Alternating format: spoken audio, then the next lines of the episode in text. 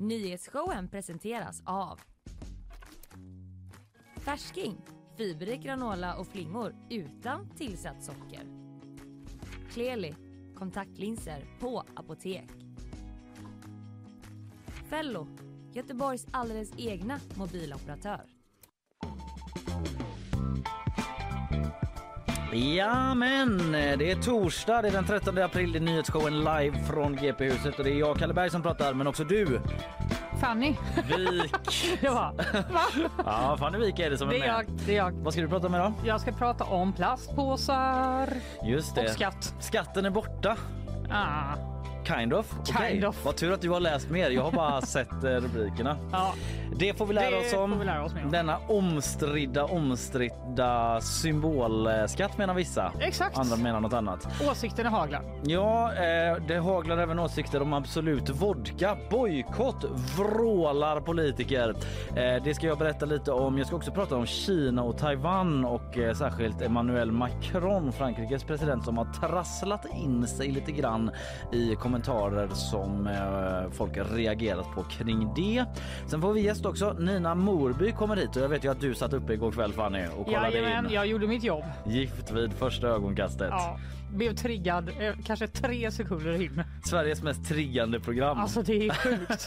Det är sjukt. Det Men också ett av Sveriges mest populära program som är tillbaka det här eh, där man gifter sig med en person som man träffar för första gången. Ja, Jag ska snacka med Nina om det. Varför är det så himla populärt? Hur ser matchningarna ut i år? Är det ett sunt sätt att se på relationer man visar upp där? och varför blir man så triggad? Ja, precis. Eh, mycket att prata om finns det där. Sen är det bakvagn. Robotar ska ut på New Yorks gator för polisens räkning. Polisrobotar alltså. Gulligt. Nu är vi där. Ja, kanske. Försenat elstöd igen. Hård diskriminering på jätte, jättefint hotell i London. Vi får se vad vi hinner med där. Mm. Du... Eh, Jag ska prata om eh, att hucklet är trendigt igen. jaha, okej. Äntligen Kalle. Och, Inte eh, bara över påsk eller? Nej, Nej. och goda nyheter också för män. Jaha. Du kommer inte undan. Grattis. Till Men... dig. ja, exakt. ja, och lite annat. Vi Lite annat. Vi. Hur, hur går det för dig att vara... Du är fortsatt ensam hemma den här veckan. Ja, alltså, Familjen Linnea, är Linnea. Rönnqvist Ja. kom igår. Sa hon så här, vill du ha lite tips?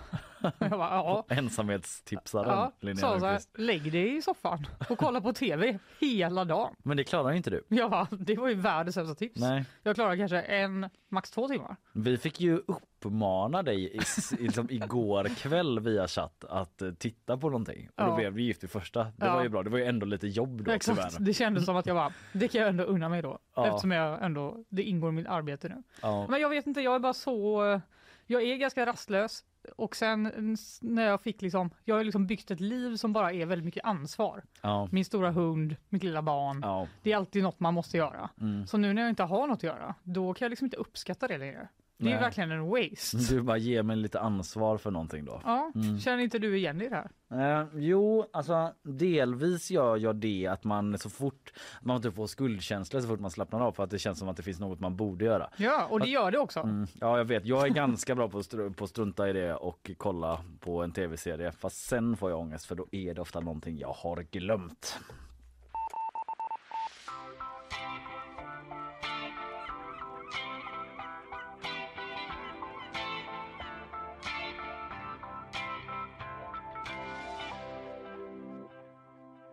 Nej, Kalle. Jag fick en stöt igen. Jag får ju det varje dag. Och jag får också det varje dag. Det släpper vi nu. Ja, all- alla har sett hur det har sett ut på Instagram. Ja. Det alla ligger fall. under höjdpunkter om ni missat. Om ni vill se Kalle få en stöt. Jag ser ut som Per Gessle-mimen. Det är väldigt likt.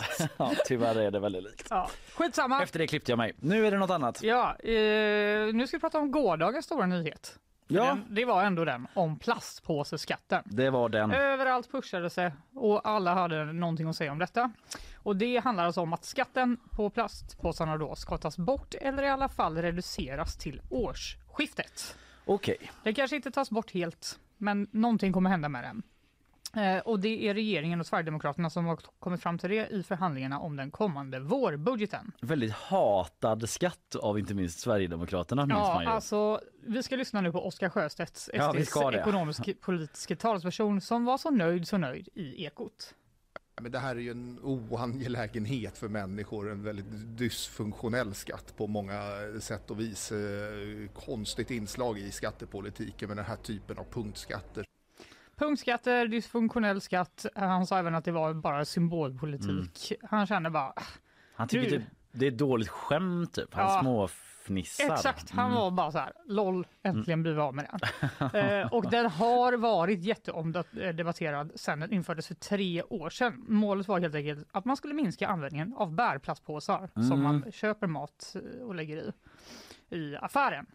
Och man höjde då priset från 3 kronor till 7 kronor. Ja. Minns du det? Jag minns det, för det är ju ändå roligt med den skatten för att när det är skattepolitik och sådär så märker man inte alltid av det så mycket Nej. i vardag, vardagen med liksom skatten på, alltså visst det, det gör man kanske om man lever på marginalen mer än vad jag gör då liksom med inkomstskatt och så. Absolut, man är privilegierad där och så. Men eh, den här med plastpåsar, det var ju så himla tydligt. Ja. Bara, va? Man bara, Sju spänn? Ja, jag vet. Ja. Det var ju som att någon var, den kostar 700 kronor. Det var Ja. ungefär så det kändes för. Ja. eh, Och det, regeringspartierna då, Moderaterna, Kristdemokraterna, Liberalerna och Sverigedemokraterna, de har kritiserat den här skatten länge. Men det var faktiskt Liberalerna som drev fram skatten från början. ja, För det. bara tre år sedan. Ja. Det har liksom ingen, alla har glömt det. Det är verkligen som att alla bara, det var väl Miljöpartiets fel. Ja. Men det var inte det, det var, miljö, det var Man Liberalerna. tänker ju att det var Miljöpartiet. Ja, de har liksom fått ta skulden inom situationstecken för Ja. den här. Också kanske för att de fortfarande tycker den är bra. Mm, just det. Men det var i alla fall eh, en del i ett EU-direktiv som säger att förbrukningen av plastkassar ska minska till 40 stycken per person varje år senast 2025. Just det. Det är alltså något man jobbar med i EU. Det är därför man ibland har så pappersmassa på tungan när man har smakat på sina barns festis. För man får inte ha plastsugrör längre. Exakt. Mm. Mm, vad gott. Papier Eh, maché. Mm. ja. Mm. Festisgott i och för sig. Ja, det. Eh, Men även KD röstade för den här skatten då. För tre år sedan. ja, det gjorde de. Mm. Så två av eh, regeringspartierna har helt enkelt eh, vänt i frågan sedan dess. Mm. Oppositionen då, som sagt, Miljöpartiet, tycker fortfarande den är bra. De tycker att om regeringen nu ska ta bort den här så får de ju komma på något annat förslag för att Sverige ska uppfylla det här EU- EU-direktivet som fortfarande ligger kvar. Just det. Eh, regeringen borde fokusera på att lägga fram politik som minskar utsläppen och stöttar hushållen, men istället väljer de att avskaffa en skatt som Liberalerna drev igenom, vill Miljöpartiet få sagt då. Mm. Eh, detta visar än en gång vilka det är som faktiskt styr klimat och miljöpolitiken. Det är inte L, det är SD. Mm. Detta säger Janina Alm Eriksson, MPs eh, ekonomisk politi- politiska talesperson till SVT. Ja, vi vet att de ligger i kollisionskurs, Mm. L och SD också om klimatet. Eller det är sen gammalt, det kan då man ändå hon säga. bara spä på det lite. Glöm inte det. säger de. Exakt, och Romina Pourmokhtari, då vår miljöminister, hon har också varit lite så här, vi- alltså inget är bestämt än. Angående plastpåsarna. Ja, Det, är, det kommer väl bli något, men det är inte liksom klubbat och klart. Så hon försöker liksom, jag vet inte, inte kanske få hela den så här SD bestämmer allt, utan jag har fortfarande kanske någon chans. De bestämmer det men inte än. Exakt. inte. Lite så tolkar jag. Eh, men vad tror då Oskar Sjöstedt om den här risken att detta nu ska leda till fler mikroplaster i naturen? Det är ändå det det vi pratar om från början. Mm.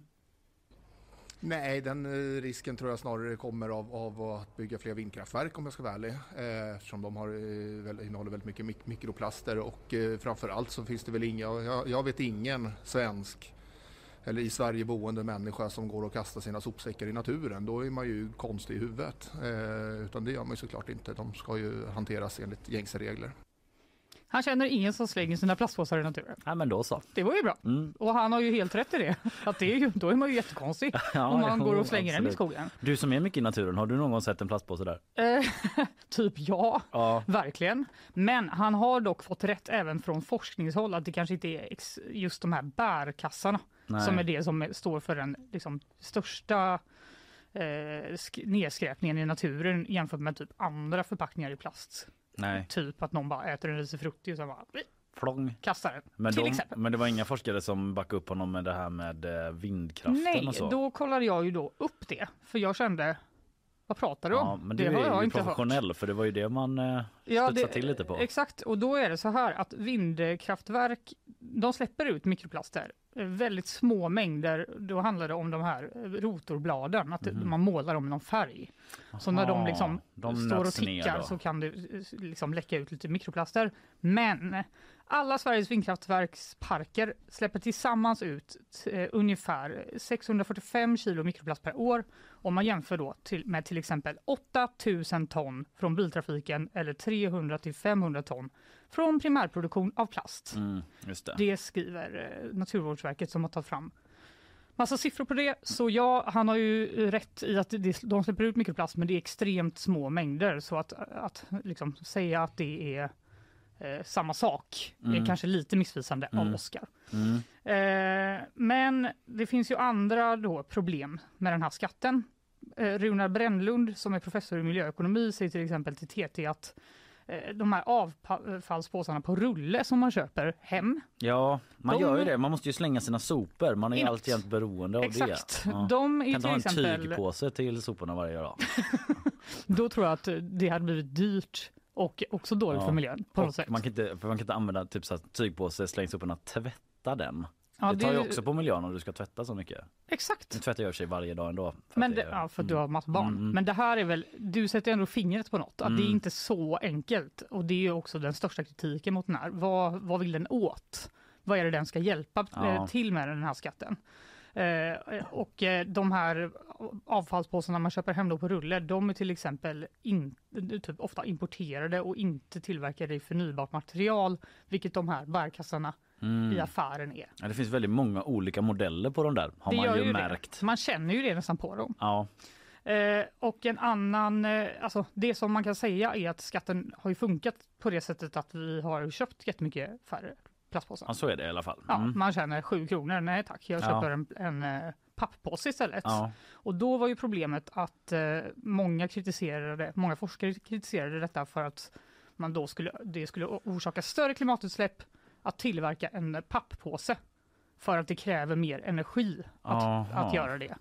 Men det ska sägas att det finns, det är många som tvistar kring detta. Mm. Det, Det rådet, lärde eller? Det lärde, Mm. Det är sannerligen. de som brukar tvista ja. Det är de som brukar tvista även i detta fall och rådet som man får då från miljöforskare om man vill minimera sin miljöpåverkan det är typ så här. Använd varje påse så länge som du bara kan Ja. oavsett om det är en papperspåse, en plastpåse eller en tygpåse. ja. Det är sunt förnuft någonstans ändå. Ja, det Ja. fattar man väl. Ja. Någon annan som är svinglad över den här skatten, att den ska tas bort, det är Lars Lundin. Han är rådgivare på Treeword Lundins som är ledande producenter av bärkassar.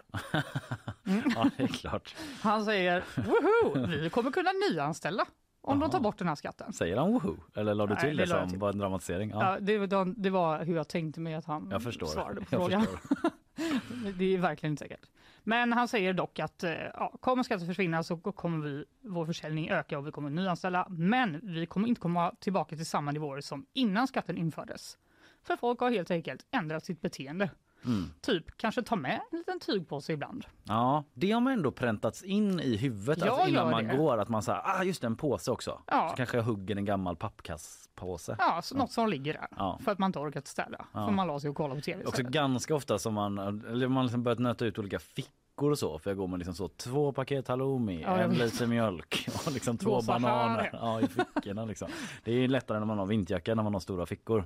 Men det är också bra för miljön att göra så. Ja, det är det ju. Det är där jag bidrar. Ja, Okej exakt. Greta Thunberg, Bra. jag, du, är, du, du gör ditt men jag kan också. jag, jag kan eh, ha massa vat, matvaror och gå med dem utan att trilla. Men slutligen så ser ju Oskar Sjöstedt, Sverigedemokraterna då, återigen i Ekot. Han har ett till jättebra eh, argument för att det här ska försvinna. Kassen är ju en del av matkassen, eh, om man uttrycker sig så, och den blir lite billigare, så det blir några kronor, några kronor billigare. Tack Oskar för de fyra kronor billigare matkasse när jag har köpt all min mat på Hemköp för en miljon kronor.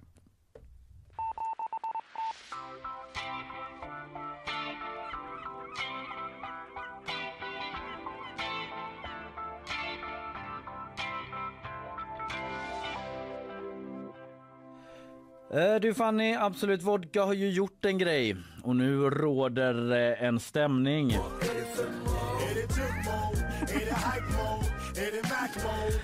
Wow! Ja, inte Låt det Mac gå. mode, inte hype mode, det är boycott mode. Ah! Det tycker i alla fall svenska politiker som uppmanar folk att bojkotta sprittillverkaren bakom Absolut. Och bakgrunden är ju då att Absolut börjat exportera sin sprit till Ryssland igen. Ja, det är exportmode Ja. till Ryssland. I alla fall om man frågar gänget bakom Absolut. Ett typiskt mode Ja. ändå. Verkligen eh, på ett företag, ett multinationellt. Exakt. Då är det mycket exportmode. Eh, men det är ägarbolaget Pernod Ricard. Ricard. Okej. Om det nu uttalas så. Jag misstänker det är franskt eh, på någon vänster. De slutade exportera när Ryssland anföll Ukraina och inledde det här anfallskriget. Då Så sa var det man, många som höll på va? Precis, då sa de till eh, Kristianstadsbladet att naturligtvis så pausar vi verksamheten. Och nu har de naturligtvis avbrutit den pausen då. Så här säger de i ett mejl till Kristianstadsbladet som rapporterar om detta. Eh, citat här nu då. Inom ramen för de sanktioner som råder så levererar koncernen produkter i en utsträckning som kan skydda lokala medarbetare och säkra den lokala organisationens ekonomiska hållbarhet, skriver Paula Eriksson på Absolut. Alltså, för att bryta ner lite då. Eh, De gör det här för att eh, man har liksom medarbetare i Ryssland som eh, man vill skydda då och liksom trygga den organisationens eh, ekonomi. Jag antar att folk får lön och liksom tjänar sitt uppehälle. Ja, Det är och, deras och argument. de kanske inte vill eh, kriga per se. Alltså den enskilda personen. Så kan det ju vara. Det är ju så man får tolka deras argument. Ja. Men kommentarerna har varit stenhårda från svenska politiker. En fin present till Putin! Sa EU-parlamentarikern Karin Karlsbro till exempel Ja. från Liberalerna. Absolut Putin, twittrade Anders Ygeman. Vadå bara? Ja, bara så. För fan vad slappt. Absolut Putin.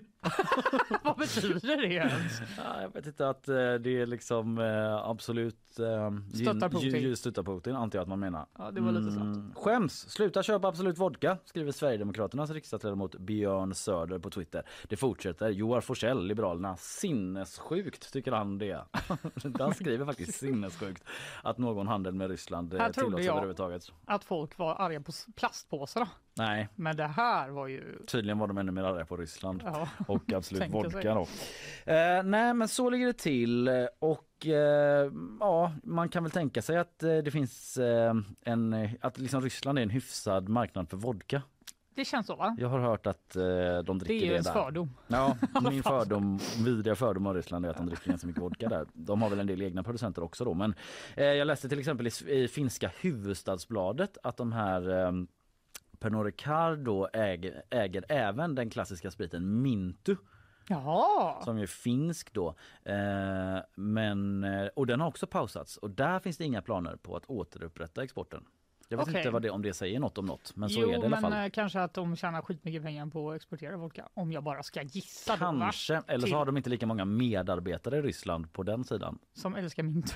Nej, men jag menar som de försöker skydda Nej, men deras exakt. argument där för Absolut Vodka kanske det inte gäller samma förhållanden för Nej. Vad vet jag? Jag bara tyckte det eh, var lite intressant på något sätt.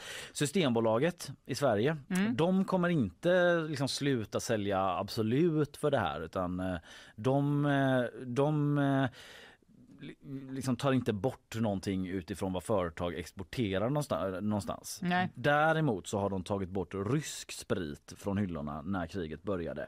Det är sällan de tar ställning säger en representant där till Ekot men eh, här kändes det helt rätt. Alltså att ta bort eh, Okej. rysktillverkade.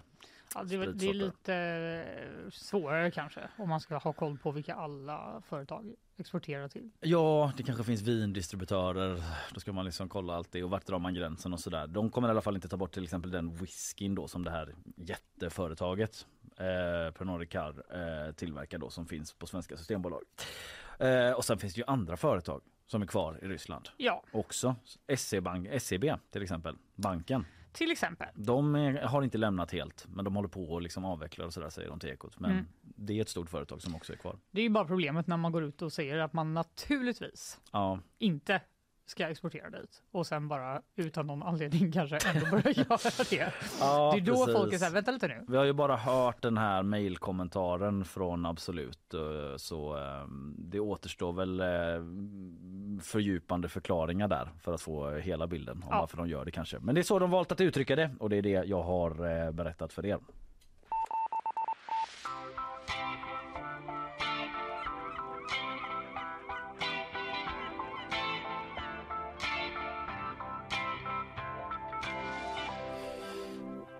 Frankrikes president Macron har trasslat till det om Taiwan och Kina och USA. Vilket eh, kvadratdrama. Det är inte ens ett triangeldrama utan vi är uppe på kvadratiska nivåer nu. Fyra deltagare alltså.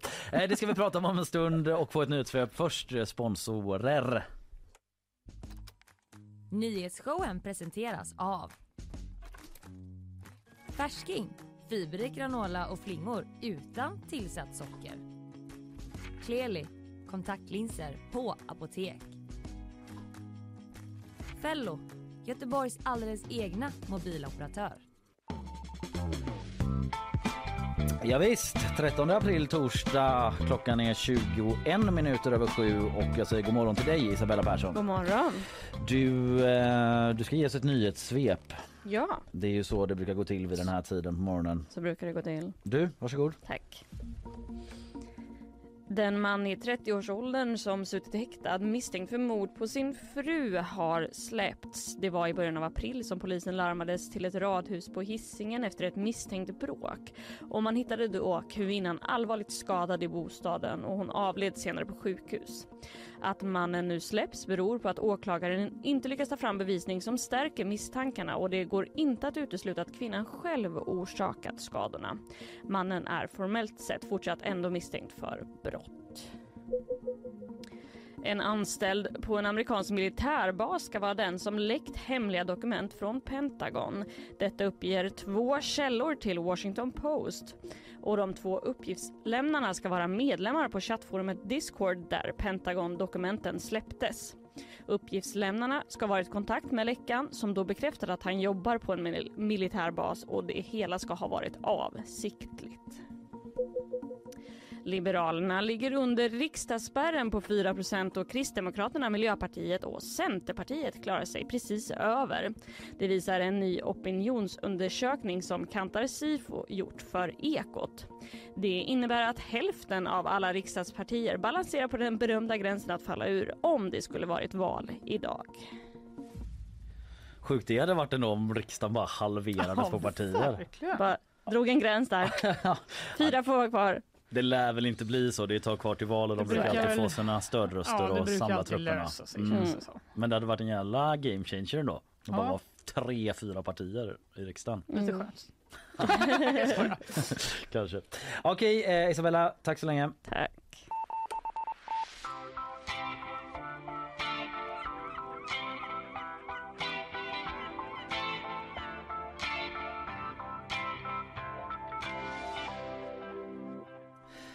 Alright Fanny, det rör på sig kring Taiwan. Ja. Mycket har hänt senaste veckan. Det är så mycket rubriker. Ja, Kina gör jättelika militärövningar, Taiwans president besöker USA, Frankrikes president Macron hyllas i Kina men skapar rabalder i EU. Det är några av sakerna som eh, har varit rubrikerna senaste dagarna bara. Ja, eh, jag ska ge mig ut här då och försöka förklara lite precis som eh, Macron gjorde igår kväll. Förklarade sitt uttalande alltså. Ja, ja, okej. Samtidigt eh, som allt detta pågår så växer ju då oron för att Kina ska göra en Ryssland så att säga. Nämligen att försöka annektera, införliva ett område som de själva menar rättmätigt tillhör dem.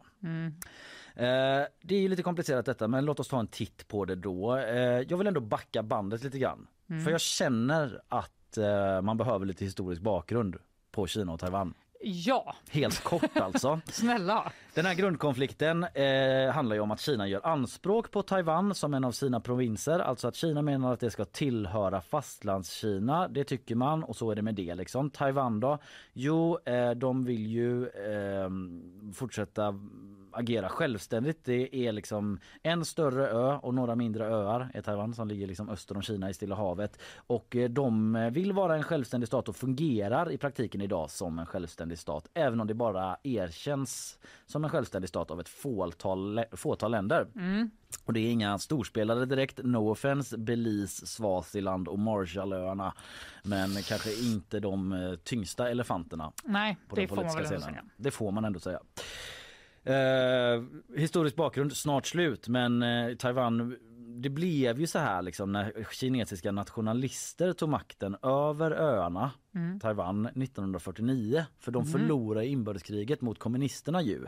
Och då tog man med sig hela valuta och guldreserven, stack ut till eh, Taiwan och satte sig där och har suttit där sedan dess. Sen är det ju andra, liksom, det är en demokratiskt vald regering och sådär. Men vilket gör att eh, Taiwan länge har haft världens, eller en av världens största valutareserver. Wow! Bara en liten sån fun fact. Vilken otrolig fact. Chiang Kai-shek och gänget tog med sig Jaha. alla pengarna. De Jaha. själv, de flyr med allt mitt guld till de här öarna. Då. ha det gött. Slut på historisk bakgrund då. Ja, otroligt bra Ja, kort. nu är ni med. Eh, konflikten går way back är väl det jag försöker säga. Det får man säga.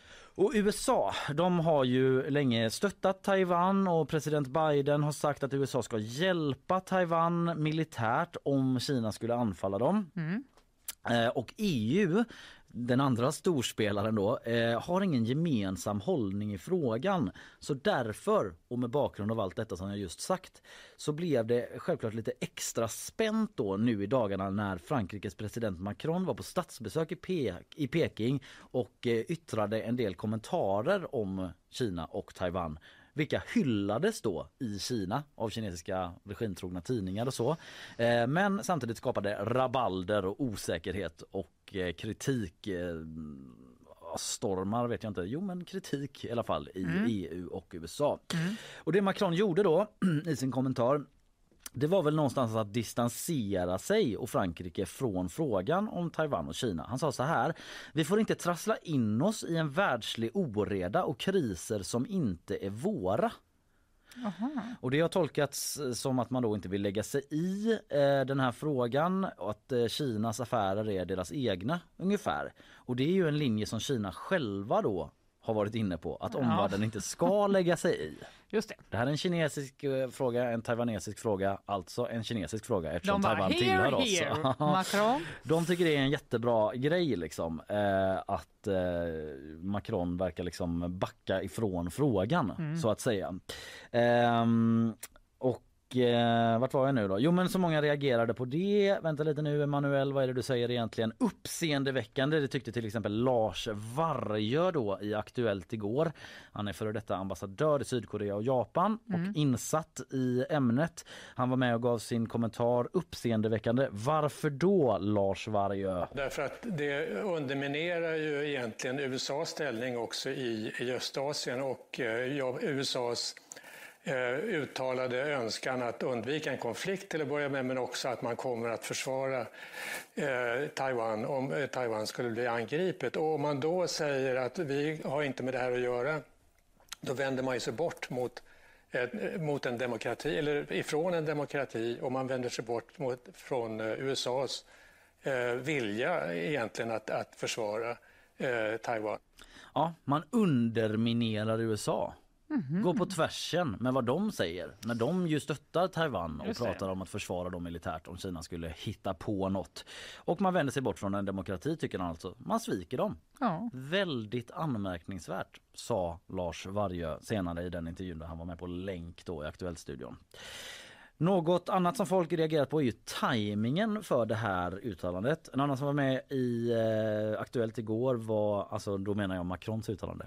Inte Ja. Lars Vargös, för det var ju fullt eh, vältajmat i och med att han var inbjuden Ja. till Aktuellt. Eh, men Göran von Sydow var också inbjuden till Aktuellt. Han är chef för Svenska institutet för Europo, Europapolitiska studier. Eh, så här sa han. Alltså just nu befinner vi oss i ett väldigt känsligt läge kring naturligtvis både Taiwan men också i världspolitiken och den transatlantiska enighet då mellan USA och, eh, USA, som, fi- USA och EU som finns i förhållande till det som sker i Ukraina har ju varit jätteviktig. Och det här är liksom inte läget att markera kanske den här skillnaden då. Nej, det, det är ju ändå det man har lite top of mind. Bara, vänta lite nu. Alla har ju tagit ändå ganska tydlig ställning i det här andra kriget Mm. som faktiskt pågår. Ja men exakt, han tar ju upp Ukraina här och det har ju varit viktigt för EU och eh, USA då att hålla en gemensam linje både mot eh, Ryssland men också Kina i många frågor. Liksom, att det har ju talats om att Kina med stort intresse följer eh, kriget i Ukraina och alla spelares ag- agerande. De är som på en sån Facebook-tråd. Man skriver så följer för att få se allt vad som händer.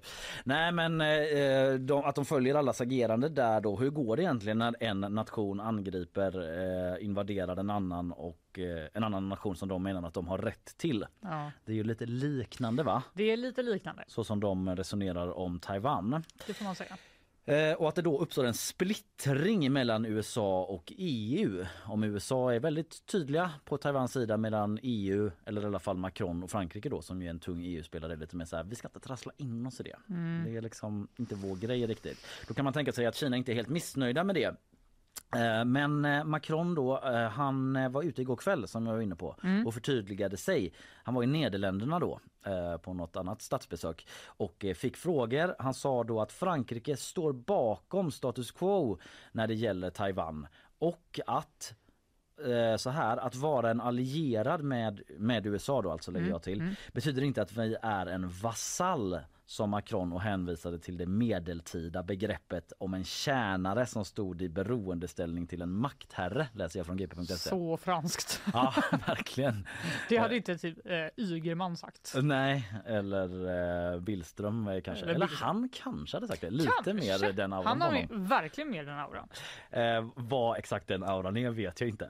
Eh, auran att man älsk, läser historiska böcker på sin fritid. Ja just det, ja, lite mer så känns han. Skitsamma men eh, ja precis att vi måste inte tycka det är samma som USA ungefär. Att det här med att man står bakom status quo då att eh, Taiwan eh, liksom agerar självständigt och att man vill ha en fredlig lösning. Typ. Det står man bakom. Ehm, men, men samtidigt då så säger han ju det här med att vi är liksom ingen vasall till USA. Och det plockar ju de här kinesiska kommentatorerna på regimkritiska, eller regimtrogna menar jag, tvärtom från kritiska. Icke-kritiska. Icke-kritiska eh, tidningar och så vidare. De vilar inte på hanen där när de slår fast att aha! Det finns en splittring. det var ju det vi sagt hela tiden. En EU-korrespondent för en sån här tidning sa till exempel att Macron, eh, faktumet att han då som de uttrycker det poängterar en egen linje för Europa som alltså skiljer sig från USAs kommer att visa sig vara ett briljant beslut. Så de är så wow, bra sagt Macron. Riktigt bra bara, sagt. Kompis. Ja precis. Ja även Carl Bildt, eh, Sveriges tidigare utrikesminister. Sig. Vasallaura. Ja, Ja, 100 procent. Användare av ordet vasallaura. Eh, han gav sig in i matchen igår. Twittrade då. Det är hans weapon of choice ofta. När det handlar om att eh, uttrycka sig. Han älskar, han har mycket emojis också i sina tweets. Ja, flaggor. Ja, flaggor det han han sparar ju eh, bokstäver. Och tog Äkta till eh, EUs flagga Ja. och Taiwans flagga. Eh, men han skrev eh, att eh, ja, det blev en nyhet främst här i Sverige då, men han twittrade att, att han anser att EU inte bör stödja Taiwans självständighet och istället bör hålla fast vid tanken om en återförening av Taiwan och Kina. Så här, EU måste betrakta Taiwan som en del av Kina och förespråka en fredlig återförening skrev han. Okej. Ja, samtidigt då har alltså Kina nyss avslutat den här jättelika militärövningen som jag nämnde, stridsfartyg och flygplan i sundet mellan Taiwan och Kina.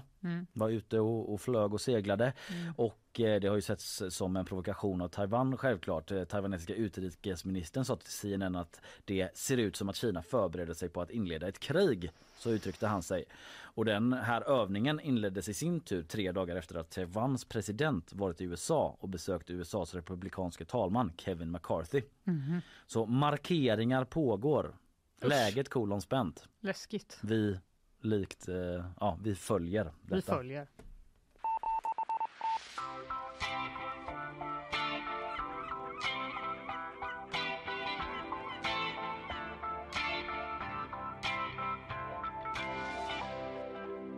Ja nu lättar vi upp det om en stund Fanny va? Ja, det känns ju skönt. Ja, Vad mycket vi har med. Ja verkligen. Nu blir det gift vid första ögonkastet. Nina Morby, vår medarbetare på Kulturen. Hon har sett, hon har skrivit, hon, Hon har har tyckt. tittat. Vi ska diskutera. Du har tittat, jag har tittat. Otroligt. Ja, Kanske ska- många som lyssnar på det här har tittat. Ja säkert och även om man inte har det så är det intressant att prata om den här nya liksom lägerelden i svensk tv. De eh, är ju en utdöende sort de där programmen som alla tittar på. Ja, Så var det ju mycket förr. så var det jämt för. Men, eh, och då talar jag kanske förr, typ när man var Nej, vi barn. var små. Bara fanns Ja. tre kanaler. Men liksom, hur kommer det gå för alla paren? Eh, är det här liksom ett sunt sätt att eh, gestalta relationer? Sätter det en press på folk att man ska matcha så jävla hårt hela tiden Mm. på alla plan? Det har jag funderat på om inte annat. Okej, eh, nog om det för nu. Nu blir det sponsorer. Nyhetsshowen presenteras av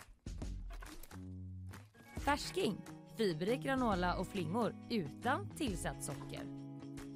Kleli, kontaktlinser på apotek. Fello, Göteborgs alldeles egna mobiloperatör. Oj, Så ja, Så, ja. precis. Där drar jag upp minkarna när ingen var beredd på det. tackar. Eh, Fanny Wik, Hej! det är du som sitter med mig Kalle Berg här idag och sänder nyhetsshowen live från GP-huset. Vi har fått hit dagens gäst. Det är vår kollega och eh, goda vän här på GP. Nina Morby från kulturredaktionen. Hallå! Hallå välkommen. välkommen. Jag kör på henne lite omvänd ordning. Ja, Vi ska var snacka om Gift vid första ögonkastet ju. Det här programmet där totala främlingar gifter sig med varann och sen testar att leva ihop som gifta inför tv-kameror då. Lika omtalat varje år, lika kritiserat, lika omtyckt. Det verkar vara många som har någon sorts hatkärlek till det här programmet och det debatteras hej vilt varje säsong. Hur ska det gå för paren i år? Varför är det här programmet en sån succé? Det ska vi prata om med dig Nina. God morgon! God morgon. Härligt att ha dig här äntligen. Eh, du, eh, är du ett sånt riktigt gift vid första head? Har du hängt med alla säsonger eller liksom, Nej, vad nej. är det din relation? Nej, det har jag faktiskt inte. Nej, Nej. Eh, så det är kanske fel person som sitter här. det tror jag inte. Eh, Nej, alltså om jag ska vara helt ärlig. Eh, jag tror jag såg typ de första, precis i början Mm. såg jag de säsongerna. Sen så hade jag en liten paus där. Jag tyckte liksom inte att eh, underhållningsvärdet var tillräckligt högt. Men, Nej. men nu är jag tillbaks. Jag har då gjort lite samma resa faktiskt. Mm. Att jag var jäkligt inne i det i början, sen tappade man lite men nu är det tillbaka igen. Det känns Mm. som att det har svingats upp de Mm. senaste säsongerna. Men det eller? har ju verkligen blivit eh, lägerelds-tv. Det upplevde jag inte riktigt att det var för så här fem år sedan kanske, eller fyra år sedan. Nej. Jag kanske fler, men det, ja, för jag blev lite anti när typ alla skrev om det. Jag, var så Mm. jag orkar inte eh, vara som alla andra. Alltså du Men- menar typ förra året? Eller? Ja, men ja, och förrförra tycker jag också att det var ganska säsongen. mm. Skitsamma, poängen är att om man råkar ändå börja kolla, då är det ganska svårt att sluta va? Man blir, det är ju någonting de har gjort. Mm. Men känner du fortfarande den här hatkärleken? För nu Ja, är det ju ditt arbete att kolla Precis. på det här. Nu måste du göra det. Ja. Eh, jo, men jag känner absolut hatkärlek. Alltså, jag, har inte, jag har inte hunnit känna det i år, ska Nej. sägas, efter ett avsnitt. Men, eh, men förra året gjorde jag absolut det. Alltså framför allt för att matchningarna var så kassa. Ja. Det kändes verkligen inte som att de hade liksom lagt manken till. ja, det är ju ofta det Ja. som är det som blir mycket snack om. Mm. Men jag tänker på, um, vad var det tänkte, alltså just att det, det kanske inte, det är svårt att svara på kanske men har du någon teori om varför det har fått ett uppsving igen? Typ att det var populärt, sen gick det ner, sen har det kommit tillbaka. Vad är grejen med det liksom? Ja, vad kan det bero på? Men det är väl... Är det inte för att det har liksom fallit så fel? Ja, men jag tänker typ hela Märta Axel gate Från förra året med ja. kuddfortet och vad det var. Alltså det, det blev ju...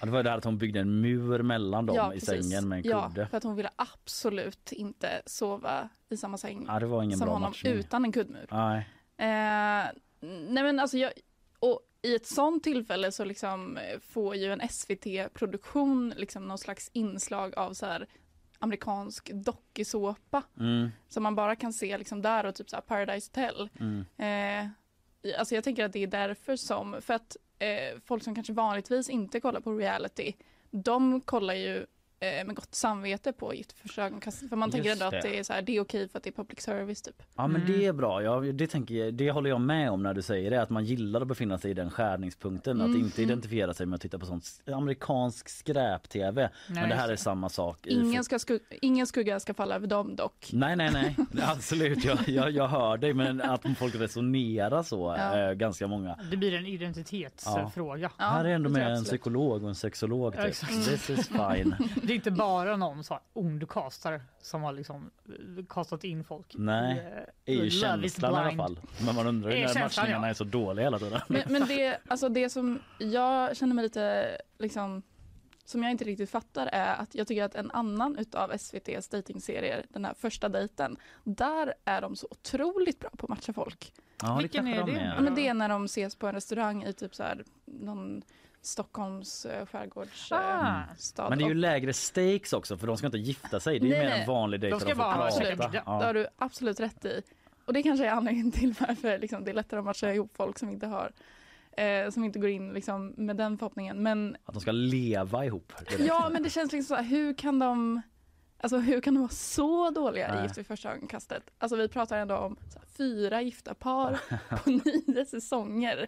Ja. Eh, jo. och i första dejten så är det så att typ var och varannan går på i alla fall en annan dejt. Mm. En, en Det kanske dejt. säger någonting om själva formatet. Mm. Är det det bästa sättet Mm. att bli lycklig i en relation? Att men- gifta sig direkt? Jag tänker om någon som hör det här aldrig har sett det här och inte har läst en artikel. Vad, är, vad går det ut på?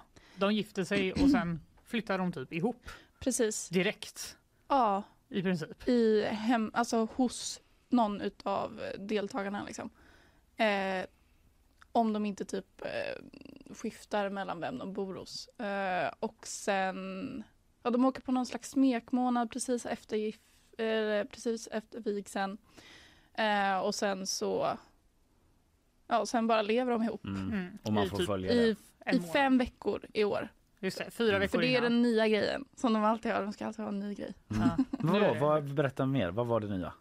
Att, eh, att de bor ihop i fem veckor istället för fyra som Ja, har varit. de har Innan de bestämmer Ja. sig Ja. Ja okej jag om de förstår. ska fortsatt vara gifta. Och där brukar de hinna träffa lite föräldrar och vänner och sen får Ja. de träffa varandra också. Det är ju alltid liksom någon ja, sorts... det är jobbigt. Ja, det är ju Mm. lite så peak avsnitt där när alla Mm. paren får träffa varandra och se hur bra eller hur dåligt det har gått. De verkar ju inte, de verkar ju jättekära. Ja. De verkar inte så kära. Men är det inte också att eh, det blir väldigt snabbt liksom diskbänksromantik Jo. i och med att det direkt är så här, här är min etta och jag har jag fått plats med dina kläder i garderoben. Ja. typ, alltså det blir väldigt eh, oglammigt väldigt Ja, snabbt. precis.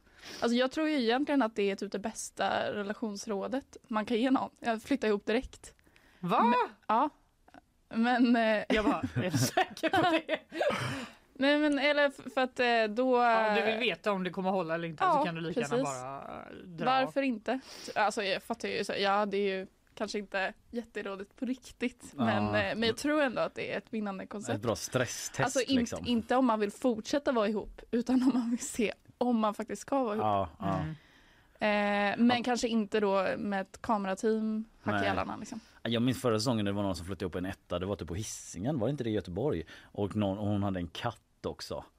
Eh, eller det var två Vilka år var sedan. det? Ja, men det var, ah, det var hon som, de som tränar så jäkla mycket och uh, ah, skitsamma. sen var, det- blev hon tillsammans med en annan på återträffen sen. Ja men just det, gud. Det Ja det var en helt annan grej. Men nu är det en ny säsong, första avsnittet kom i måndags. Vi har alla sett det. Vad... Eh, Tre vad gånger. Ja du har sett det tre gånger. Ja. Vad, Nej, vad säger du? Vad är dina intryck? Ehm, jag, jag känner att det är en stark säsong. Ja du gör det. Ja. Ehm, nej men min, min ärliga liksom, prognos eh, är att eh, det, alltså jag tror faktiskt på flera av paren. Eh, och jag tror inte att det kommer vara någon sån katastrof som det har varit tidigare år. Med typ, ja men eh, när någon har förväntningar och eh, önskningar om sin partner som absolut inte införlivas. Eh, och anledningen till varför jag tror att det kommer gå bättre i år är för att typ alla är jämnsnygga. Har ni tänkt på det? Alltså jag har, tänk, och tänker ofta på att det är väldigt viktigt. Ja. Ja, Ja, men om det, det är någon- kanske så ja. Om det är någonting man har lärt sig av Gift vid första ögonkastet så är det ju att, alltså jag menar det här är inte Love is blind. Men om man har kollat på Love is blind så har man ju också lärt sig därifrån Mm. att om det är någonting som är viktigt så är det ju faktiskt att så här, att ta sådana preferenser på allvar kanske lite. Ja, och även om folk säger att de inte bryr sig så mycket om det Mm. så gör de ju Mm. det. Mm. Det har ju blivit smärtsamt tydligt Ja. flera gånger. Ja. Att det inte är liksom det man söker, det är inte det viktigaste. Nej precis och eh, sådana här datingprogram och SVT har ju försökt liksom komma runt det här men det har ju inte gått. Nej. Och då blir det ju sådana här plågsamma kuddfort. De gjorde ju dock en matchning som var nu två som, eh, de korsklippte det väldigt mycket i första programmet där det var en tjej som bara jag vill ha en eh, brunett jättekille Var det med jätte... Maxine och... Ja det kanske jag kommer inte Ja. ihåg alla namnen nu men så här som har jätte liksom starka kraftiga armar ville hon ha sådär och Mhm. eh, så såg han inte riktigt ut så och eh, han, hon, han ville också ha en brunett och hon var blond. Ja, Att i den här så säsongen. Ja, i den här säsongen Mm. ja precis. Mm. Eh, Så där, eh, men det, det är väl också någonting med urvalet vad de har att välja mellan antar jag. Mm. Mm. Ja, det var ingen fråga överhuvudtaget. Men, eh, men du skriver i en text om det att eh, det finns ett potentiellt tacopar. Ja. Förklara för folk som inte förstår vad det är och vilka det är. Ja, eh, ja men tacoparet var väl för två säsonger sedan Mm. tror jag. Eh, nu har jag glömt vad de heter. Ja, men det är ju det mest lyckade paret någonsin va? Eh, nej, det skulle jag inte alltså det, det har ju, de är ju faktiskt ett av fyra par som fortfarande är gifta på Ja. den första gift Anton och. Sofia heter de. Precis. Eh, och de kallas ju tacoparet för att de eh, delade den otroligt unika eh, fäblessen för eh, tacos. Just det. Mm. De Ehm, förenades där. Mm, precis. Eh, och, och och det tycker jag också att eh, SVT brukar dra på väldigt ofta. Att så här, ah, de här två, de gillar ju På spåret båda två. Så Ja. jag bara, men vem gillar inte På spåret? Alla gillar På spåret. Alltså, det är Ja, liksom, Jag tycker att det var så i år med att det var så här, jag gillar att vara ute i naturen. ja, det är ju liksom inte så specifikt. nej verkligen Det är nog något som många kanske gör. Mm, Det mm, kanske inte man ändå räcker liksom, för att bli, eh, liksom, gifta sig med någon. Mm. Att man gillar att vara utomhus. Ja, men på tal om det så eh, har jag läst mig till att experterna i år har vägrat kravlistor. Mm. Att deltagarna inte får ha det. Eh, hur kommer det sig? Men alltså, för jag fattade det som att, eh, att det bara var för ehm, det här paret, ehm, brunetten och eh, han, eh, okej. eh, Man vägrade deras krav. Just nu får inte önska något. Nej men för att de, de, eh, de la ju väldigt mycket emfas på just att de hade skitit i kravlistor Alltså när det paret skulle presenteras. Mhm. Så här, ah. Eh, de är faktiskt inte varandras första ansval utseendemässigt. Nej. eh, så, att, alltså, så jag fattade det som att här, de har inte skrotat dem helt. Okej, var bara för att det passade i just den situationen då. Men känns, sen så känns det verkligen som att det är någonting som de säger precis varje år. Ja. Eh, så jag vet inte riktigt hur, hur Nej. mycket man ska lita på det. Men du som har följt det här programmet nu då genom åren, vad tror du det är som avgör om de här paren håller ihop eller inte? Ehm, jag tror faktiskt att det är eh, inställningen att ehm, eh, men jag tror att det är viktigt att inte gå in med inställningen nu ska jag hitta eh, min själsfrände utan att gå in med inställningen nu ska jag ha ett äktenskap. Mm. Eh, att eh, Du menar att det är för höga krav? Nej men jag, alltså jag tror typ att man ska skita lite i vem man gifter sig med, ärligt talat. Bara så här, okej, alltså se på det lite så här, ja jag vet inte. Att man ska Eh, få lite det analt funka. får man se på det. Ja. Alltså bara så ja, okej nu, nu har jag ett äktenskap här, nu får jag försöka få det att funka. Ja, Eh, vad ska jag göra för att få det att funka? Okej, men jag får jobba med de här sakerna själv. ja. Eh, Men blir alltså man lycklig vara- då? då? Det är ja men det tror jag relevant. absolut. Alltså det, du, du kanske inte blir liksom eh, Kär? Alltså tids nog, men, men jag tror överlag att man, eh, att man bara ska liksom sänka trös- eller kraven för liksom hur mycket förälskelse man ska eh, Mm. kunna uppleva i en sån situation. För att det är väl egentligen inte därför man söker sig till ett sånt program, tänker jag. Utan det är väl för att man vill ha liksom något mer stabilt och långvarigt. Mm. Typ Men- en livskamrat, Mm, en partner ja. i livet pratar vi om. båda sakerna? Men då Alltså så, i ett, i ett giftermål utanför den här världen mm, så är det väl ändå så att man förhoppningsvis är kär ja, ja. och vill leva med personen? Ja, men jag tänker så här, alltså om jag hade velat eh, liksom, träffa någon och bli liksom, öronen förälskad i, då, eh, då hade inte jag sökt till Gift vid första ögonkast. Då kanske jag hade sökt typ första dejten eller Mm. något annat, Mm. liksom, lite mer eh, casual eh, Mm. datingprogram. Ja men för det är ju ändå någonstans det handlar mycket om att så, jobba på en relation och typ jobba på sig själv. Ja, Eh, är det ju ofta att det landar i att man liksom får konfronteras med sina egna svagheter och varför relationen inte har gått bra tidigare. mm. Det är någon sorts... Eh, Men det blir ju typ, alltså det blir ju en form av arrangerat äktenskap och då Mm. måste man ju, alltså någonstans så måste man ju verkligen tro på konceptet äktenskap i så Mm. fall och så här, och hålla det väldigt högt. Mm. Ja, det är väldigt stort i eh, Afghanistan. Eh, nej, det var skämt. Men eh, de har ju också fått en del kritik då, eh, många år. Men det var ju ännu en sån eh, kritik i år om att det är så väldigt så vitt och homogent. Mm. Vad, vad säger SVT om det, att det blir så hela tiden? Jo, de, ehm, de säger att de är medvetna om det. Ja, Mm. Men att det är väldigt svårt eh, just för att insatsen är så hög. ja. Eh, så det slutsatsen man kan dra av det är väl att det är egentligen eh, svenska folk, eller de som söker som är rasister, inte SVT. Just det. det är ju allt, I alla säsonger har det ju varit att eh, prästen eller vigselförrättaren Ja. har varit någon Ja, med verkligen. liksom, invandrarbakgrund. Just bara, det. här får vi ta in någon. Mm, först Ja. var det ju han Cash, Khashayar Farmanbar Ja, som eh, blev minister sen. Nu var det ju en ny man där Ja. som jag inte kände Som heter Marcus. Ja, som heter Marcus Okej. men som också hade liksom Mm. people of color så. Eh, så det är där de får in representationen Mm. verkar det som. Mm. Den slotten liksom. Nej men de verkar svårt med det. Det har ju varit eh, ett eller ett par. Förra säsongen var det ju ett gaypar också, två Mm. killar som blev ihop. Men eh, det verkar man inte ha fått till i år då, om man nu sökt efter det. Vet Nej, inte, men, precis. Ja. Det var... Nej, det, men det, de verkar ju... Man får ju tänka att de har försökt, men att det inte går då helt Ja, enkelt. alltså det, ärligt talat så tror jag verkligen att de har försökt. Mm. Alltså det är ju Eh, väldigt on-brand SVT att försöka. Ja, exakt. verkligen. Så det tror jag nog att vi kan, att vi kan vara lugna med. Men alltså det är ju förra året, nu, eh, i år vet jag inte hur många som har sökt, men förra året var det typ 1700. Om man då ska tänka att de faktiskt, Mm. vilket jag i i och för sig inte tror att de gör, eh, att de faktiskt liksom försöker hitta par som passar varandra. Alltså då blir ju urvalet genast mycket mindre. Mm. Mm. Det är Nu, inte nu så vill inte jag många... försvara här men Nej, men det är inte så ändå. många sökande ändå. Alltså, nej. jag trodde nog det kunde vara fler. Men i alla fall, de har fått kritik för andra saker med ju. Mm. Vår tidigare kulturchef på GP, Björn Werner, han eh, kallade programmet för oetiskt och du själv skrev ju förra året att det hela gränsade till lyteskomik. Vad menar du med det? Eh, men det blir ju automatiskt lite komik liksom när Ja men typ när Märta bygger ett kuddfort. Alltså Mm. det är klart att man liksom, Det är inte som att man eh, tar eh, deras parti direkt utan man skrattar ju åt dem liksom. Eh, Både och tänker jag för samtidigt så här, det väckte ju ändå någon sorts diskussion om, eh, eller de försökte i alla fall få det till det Mm. liksom om jag vet, alltså typ integritet och liksom hur... Äh, fan jag kommer inte ihåg tillräckligt för att föra det argumentet. Nej men alltså det, det var väl just, eh, alltså det som jag syftade på när jag skrev det var ju just eh, Märta och Axel för att Mm. det var så liksom plågsamt och jag Ja, bara det. minns att jag så vred mig och bara gud det här måste sluta men jag vill ändå jättegärna Mm. kolla på det. Eh, men eh, alltså å andra sidan de hade ju kunnat dra på det mycket mer, alltså Mm. de hade ju säkert kunnat klippa det mycket värre. Mm. Men eh, eh, det kändes lite som att så här, okej, men det här paret har vi med för att det kan bli bra tv. Mm. Kanske.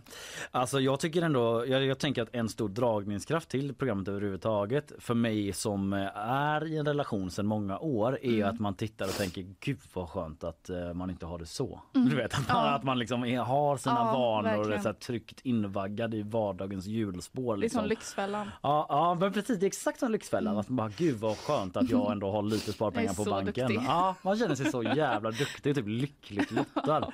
Och typ mardrömmen att dejta. Ja. Ja, den är, känner man att man eh, alla fall klarar sig utan. I liksom. tv. Ja, i alla fall i tv. Ja, jag vet inte, bara en liten teori. Eh, men eh, ja, sen, jag vet inte vad ni, vad ni tänker om liksom hela grejen med att eh, hela den här matchningshetsen också. Det var bara någonting som Mm. slog mig när jag tittade på första avsnittet, typ att eh, man ändå reproducerar, eller man liksom skjuter fram en bild av att alla ska matcha så jävla bra. Mm. Att man ska ha samma intressen. Ja, ja, att det liksom så fattar här- inte jag heller. Nej, för jag känner så här, så är det ju inte i verkligheten väl? Nej, nej. Är det en kon- eller liksom, håller ni med? Är det liksom en konstig bild av relationen man målar upp Absolut, där? absolut. Ja. Jättekonstigt. Jag, fa- alltså, det, ja, men det är också så här, det faller ju helt platt. Typ så, ah, jag gillar att laga mat. Ah, jag gillar att äta mat. Ja, det var ju en grej nu i senaste. ja, Mm. ja. Nej, men jag- är inte problemet, alltså nu kommer jag att låta som en stor tönt, men är inte problemet med kärlek att det inte går att liksom bestämma Jo, Mm. i, enligt såklart. olika kriterier vad som funkar eller inte Mm. för det är liksom en magisk känsla som inte är liksom mätbar på det Ja, sättet. Precis. Och då går det ju inte att, att säga, alltså någonting måste de ju utgå ifrån om man nu ska göra tv av det. Så då, då blir det ju liksom något konkret som Ja, är så här, vad eller- gillar du eller vad gillar inte du? Eller så kan du typ låta paren så här, typ lukta på någon tröja och så här, lukta på feromonerna. Det hade varit kul. Alltså Ja, det tror jag det. typ är ett, en bättre metod än att vara så här, mm, kryssa i dina intressen. Just Ja. det, men det är ju nästa pitch, alltså nästa program att man gör Ja. helt vetenskapligt. Kanske har en affärsidé här. Ja, bara bygger på hormonutsöndring och dofter och sånt ja. Usch. ja. Ja, lite, lite gross faktiskt, men också lite intressant. Ja. Men eh, ett problem med det här som vi pratar om att det skulle vara oetiskt, det är ju att egentligen är det ju bara helt vanliga människor som blir Mm. liksom eh, inkastade i ett experiment och de Mm. har jättemycket känslor och är helt irrationella och så sitter typ vi och bara "Åh, herregud, Mm. vad håller de på med? Är det liksom ett mått av eh, liksom, något som är oetiskt i det? Ja, det är det ju, men sen kan väl jag lite tycka att så här, man måste inte vara med på tv. alltså, det, det får man väl lite räkna med.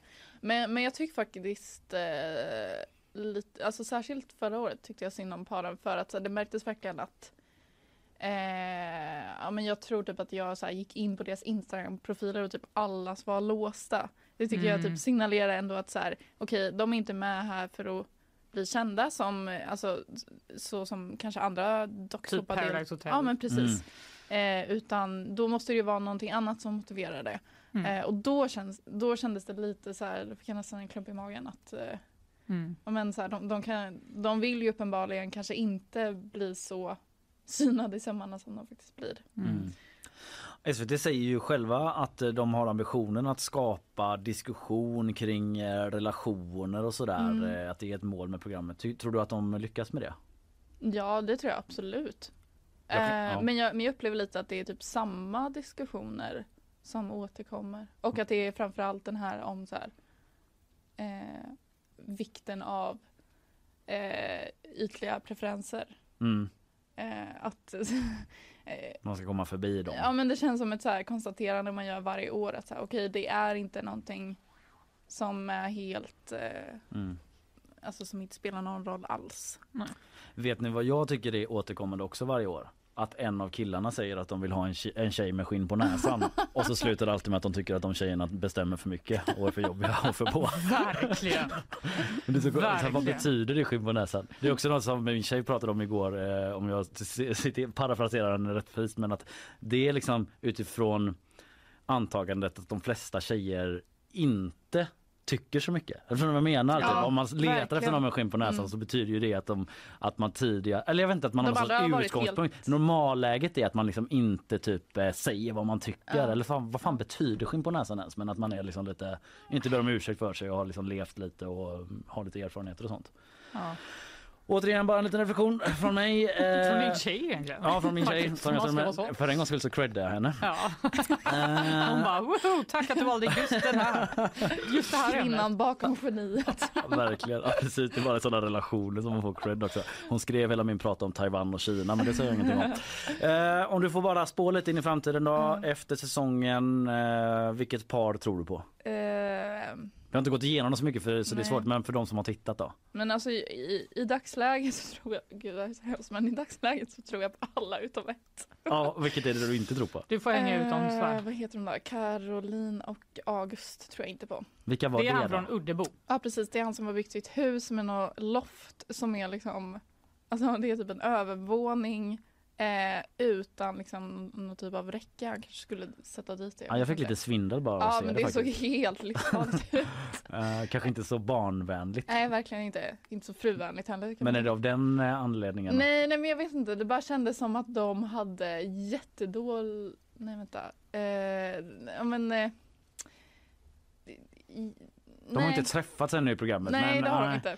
Ja, men jag vet inte, det kan vara någonting för jag tänkte lite på det också att när det är någon som har ett väldigt specifikt sätt att leva, liksom Mm. byggt sitt eget hus och så ska någon komma in där. Jag vet inte om de ska ens bo i det huset. Ska han flytta därifrån? Det känns som det kan utmanas när någon har eh, ja, liksom slagit in på en väldigt tydlig väg. Så här vill jag ha det. Ja, nej men jag, jag bara tror inte på liksom, alltså utifrån eh, att ha sett dem prata inför kameran liksom. Jag tror bara inte på matchningen. Nej. Nej. Får jag dra en sista grej Mm. Eh, innan vi är färdiga? Jag tycker det är så roligt att prata om detta. Men att eh, musikläggningen i det här programmet.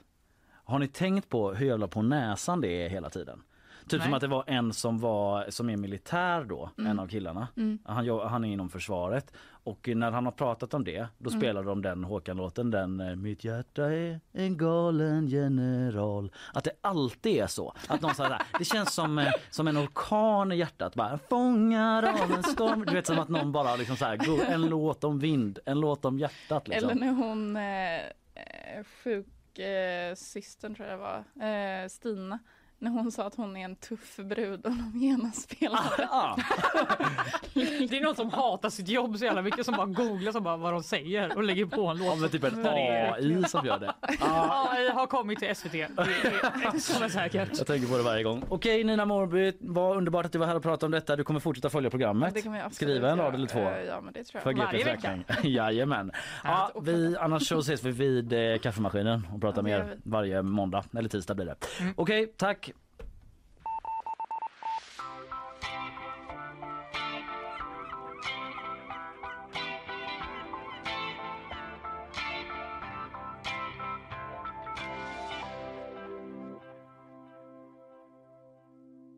Vi ska vidare som vanligt eh, Ja! till bakvagn. Innan det lyssnar vi på vad våra sponsorer har att säga.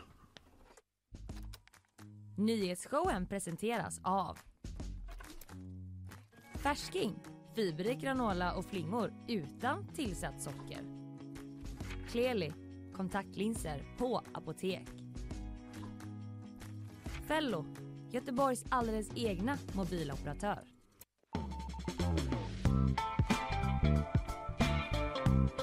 Ja, det verkar väl Fanny som att du och jag kommer hänga med säsongen ut. eh, Vi är alltså, på gift. Jag trodde inte det, men det jag kommer definitivt kolla varje måndag. Men kommer Succession du... är slut nu, så vad ska man göra? Nej, men vadå, det går ju nu. Fast det kommer det. bara ett avsnitt i veckan. Men det är också måndagar. Det är också måndagar. Nya tv-kvällar. Ah, får du med dig eh, sambo på detta? Alltså, vet du vad jag gjorde igår? Nej. Tvingade honom från då där han är på landet. Mm. Jag, när jag började, hade kollat i tio minuter så sa jag, nu får du gå in och kolla så vi kan smsa hela tiden Wow. om vad vi ser. Det där är en lyckad relation. Filma det Matcha SVT. det om ni kan. Matcha det. Eh, du då Isabella Persson, är du, eh, brukar du se det på detta programmet? Eh, Succession eller Gift vid första ögonkastet? Ja, gift i första då. Alltså, eh, det hade inte spelat någon roll för båda hade varit nej. eh, men... Eh, Va? eh, ja. Är du galen? Nej men eh, Succession har jag faktiskt sett lite grann. Men Gift vid första ögonkastet har jag aldrig sett. Blir du sugen efter dagens Ja, diskussion? ja, det måste man ju kolla. Ja, Okej, bra. men varsågoda SVT. Jag har ju också Eh, nio säsonger att kolla ikapp. Ja, om man vill du- kolla. Kolla inte på dem. De är fristående, så mycket kan man säga. Okej, eh, något som också är fristående det är ju nyhetsuppdateringar. Så är det. Minst tre av de fem personer som i förra veckan greps av Säpo misstänkta för stämpling till terroristbrott ska ha varit medlemmar i slutna Facebookgrupper som visat stöd för IS. Detta rapporterar Aftonbladet och hänvisar till en rapport från Acta Publica. Medlemmar i grupperna ska ha samlat in pengar till terrororganisationen och flera har också stridit för IS i Syrien. En anställd på en amerikansk militärbas ska vara den som läckt hemliga dokument från Pentagon. Detta uppger två källor till Washington Post och de två uppgiftslämnarna ska vara medlemmar på chattforumet Discord där Pentagon-dokumenten släpptes. Uppgiftslämnarna ska ha varit i kontakt med läckan som då bekräftat att han jobbar på en militärbas och att det hela ska ha varit avsiktligt. Liberalerna ligger under riksdagsspärren på 4% och Kristdemokraterna, Miljöpartiet och Centerpartiet klarar sig precis över. Det visar en ny opinionsundersökning som Kantar Sifo gjort för Ekot. Det innebär att hälften av alla riksdagspartier balanserar på den berömda gränsen att falla ur om det skulle varit val idag. Trots tuffa tider så syns det ännu inte på arbetslösheten. Varslen är på en stabil nivå och arbetslösheten faller. Det skriver Arbetsförmedlingen i ett pressmeddelande. Analytiker på myndigheten säger att det fortsatt finns ett stort behov av arbetskraft i flera branscher. Tack för det Isabella. Tack så mycket.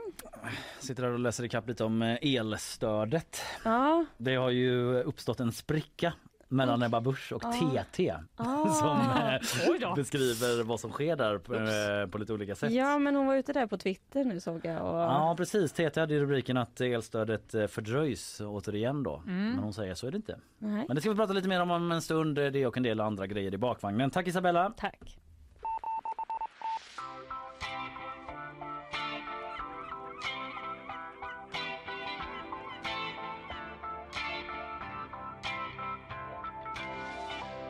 Ja, nu vill ju du veta Fanny då. Ja, du kan ju inte bara leave me hanging på det sättet. Om elstödet. Berätta allt nej. om elstödet! Så, exakt. Så det är ju den, eh, fan har vi kvar den? Kan du förklara det för mig? som vi hade igår. Han låg inte kvar där.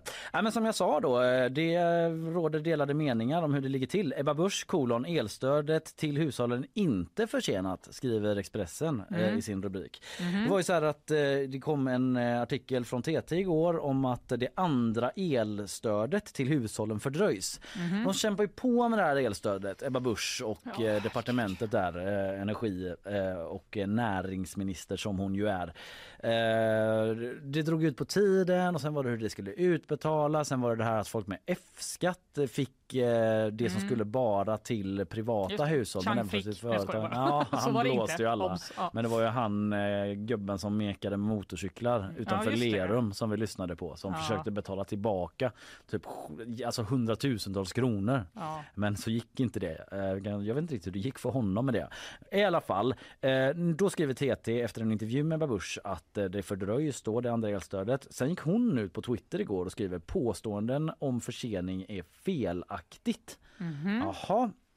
Då skriver Expressen att eh, de, eh, TT pratade med Babush och eh, som eh, berättade då om att hon varit på besök på Forsmark, alltså kärnkraftverket i förra veckan Mm. och hade en avstämning med dem där och eh, då sa hon att man ligger väldigt mycket i fas med elstödet. Eh, men hon vill inte gå in på eh, vad som ännu inte är klart för det var några bitar då som inte riktigt skulle vara färdigt. Eh, och då är det liksom det andra elstödet som gäller november till december 2022 och även inkluderar norra Sverige. För det var inte med i det första. Ah. Eh, så då eh, skrev de det ehm, och eh, enligt TT så låter liksom Ebba Busch nu eh, dock som att hon inte är lika säker på när det ska komma. Hon, säger så hon sa så här då. Prognosen ser god ut för att om vi några veckor skulle kunna återkomma med lite mer precisering i tid. Jag vågar inte säga, eh, säga ett datum men ett tidsspann, men ett tidsspann i alla fall. Vi pratar månader, inte halvår. Så mycket kan jag säga. Och hon tillägger liksom att här, vi snackar inte om i höst utan liksom innan hösten då. Men det är ändå lite otydligt med Ja, månader. Ja, det kan vara någon gång i sommar då. Det går ju att Eller- tolka som att det är lite Att de inte vet. Ja, att de inte vet Så så, så sätt att det är liksom försenat. Eh, och, eh, men efter det här då som jag sa Mm. så gick Ebba Busch ut på Twitter. Känns som det har blivit allt vanligare. Nu var hon ju intervjuad först men att politiker liksom tar till Ja, Twitter kanske väljer bort intervjuer. Ja, Jag ska låta det vara osagt, det får någon forska på så man har lite mer faktaunderlag. Men eh, i alla fall efter intervjun då så gick hon ut på Twitter och skrev så här. Arbetet med elstöd omgång två till hela Sverige går bra och flyter på enligt plan. Försäkringskassan kommer att återkomma med exakt datum. Det är ännu för tidigt att sätta. Påståendet om försening är felaktigt. Så även eh, efter eh, att jag har gått igenom detta så känns det väl lite oklart va? Exakt när det kommer. Det känns bara som alla säger lite olika ja, saker. Vi, precis. det, är, vi, kanske, det kanske bara är så att ingen vet exakt när det kommer då. Nej, det är det hon säger. Eh, Hon vill inte sätta ett exakt datum men någon gång ska det komma. Det hon säger är att det inte är hösten i alla fall. Ja, utan att det är inom några månader. Ja, ja. Så följetongen om elstöd eh, fortsätter.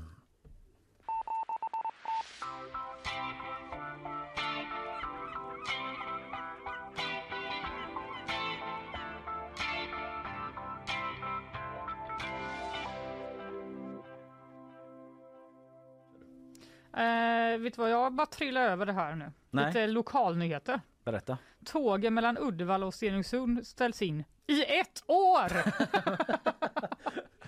Nej! Vad är det Så som har sjukt hänt? jobbigt för alla våra lyssnare som bor i det området. Ja, det är ju en del. Vad är det som har hänt under det? Jo, 10 tunnlar längs med Bohusbanan börjar bli till åren. Och det stämmer för de, de började användas i början av 1900-talet. Wow. Det är fan otroligt länge sedan. Ja. De behöver helt enkelt renoveras. Trafikverket ska byta ut tunnelportaler och betongkonstruktioner och eh, rusta upp kontaktledningsanläggningar som är över 80 år gamla. De är. Mhm. Och det här gör då alltså att tågtrafiken måste ställas in i över ett år med start idag.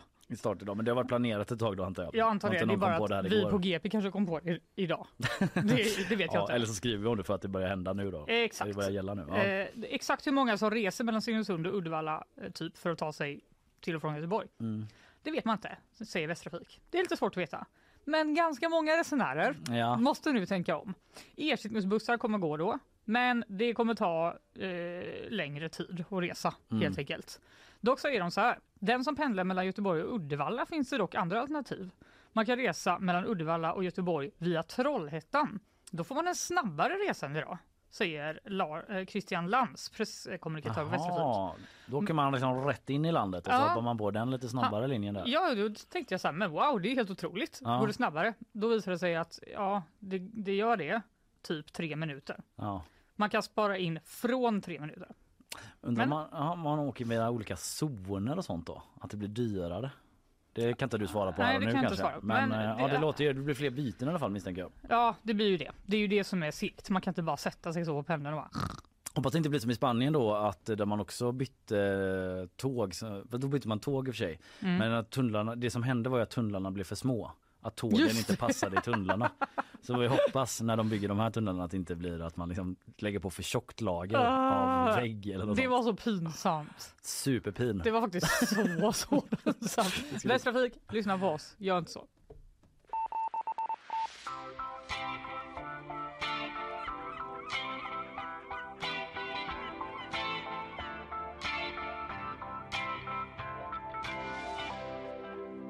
Robotpoliserna är här.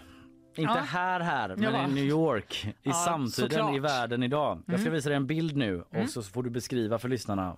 Om du tar, börjar, det är tre stycken robotar här. Oj! Först är det den längst till höger. Nej men gud, ja, det ser ut som någon sån air cleaner Ja, som Verkligen. står och bara... Psh, har, eller dammsugare eller någonting. den har liknats vid eh, R2D2 från Star Aha. Wars. Men det är ju med vilja ändå som man får lite det.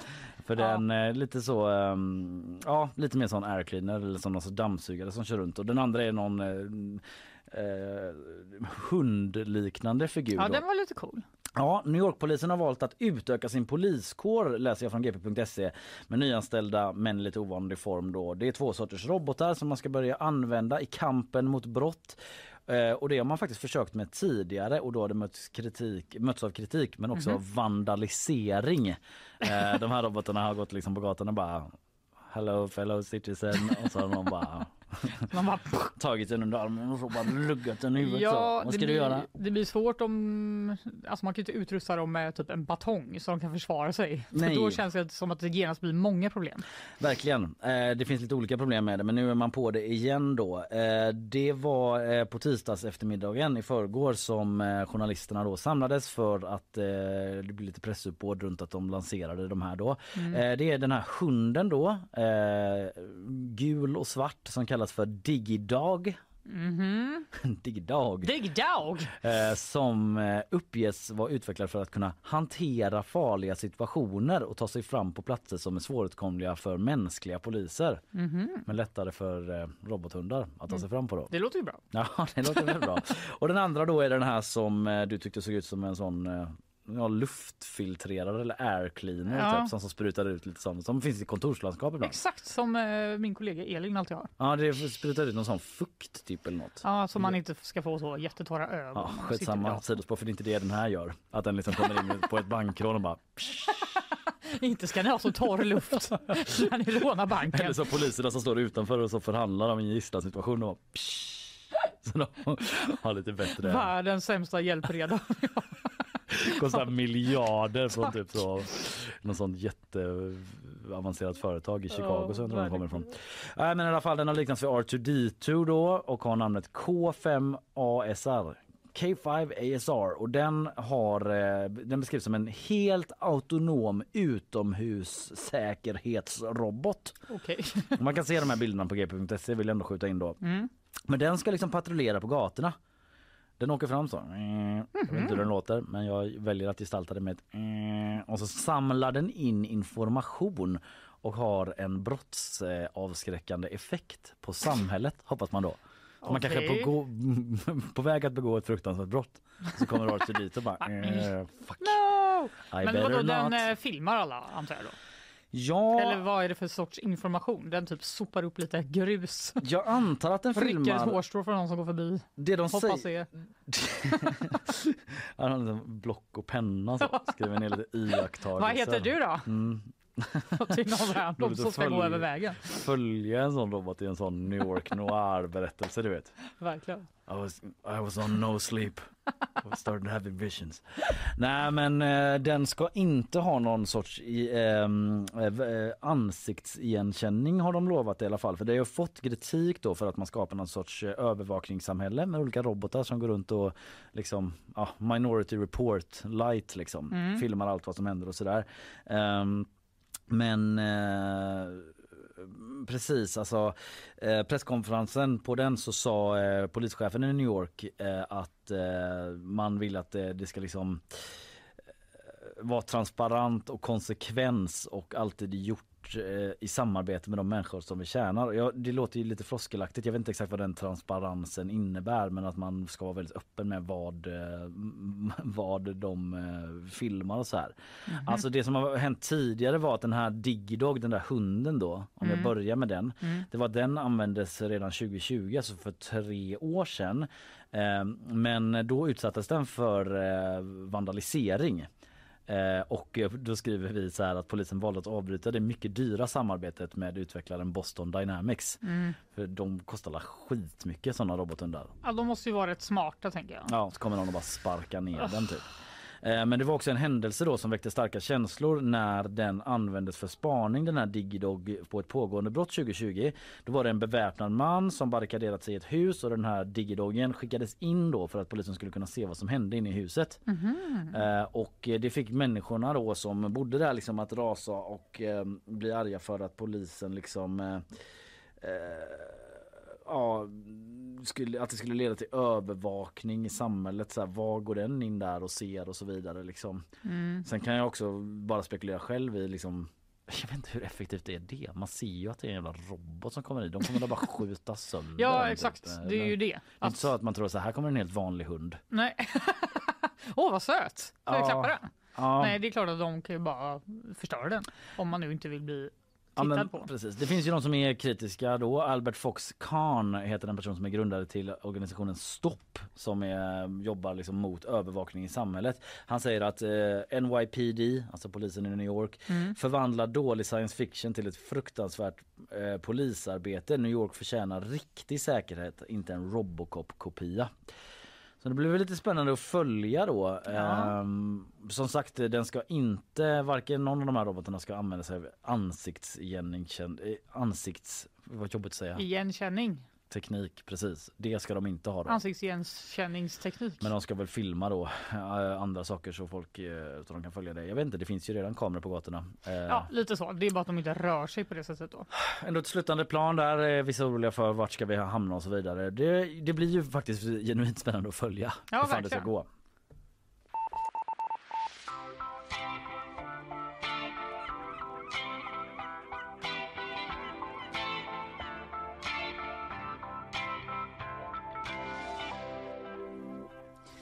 Är tillbaka! Perfekt i lågkonjunktur. Det, jag hade glömt det. Så eh, från ena till andra. Men perfekt i lågkonjunktur för man kan se ut som en sån Fattig. fattig-Jon Det är exakt från Emil i. Lönneberga.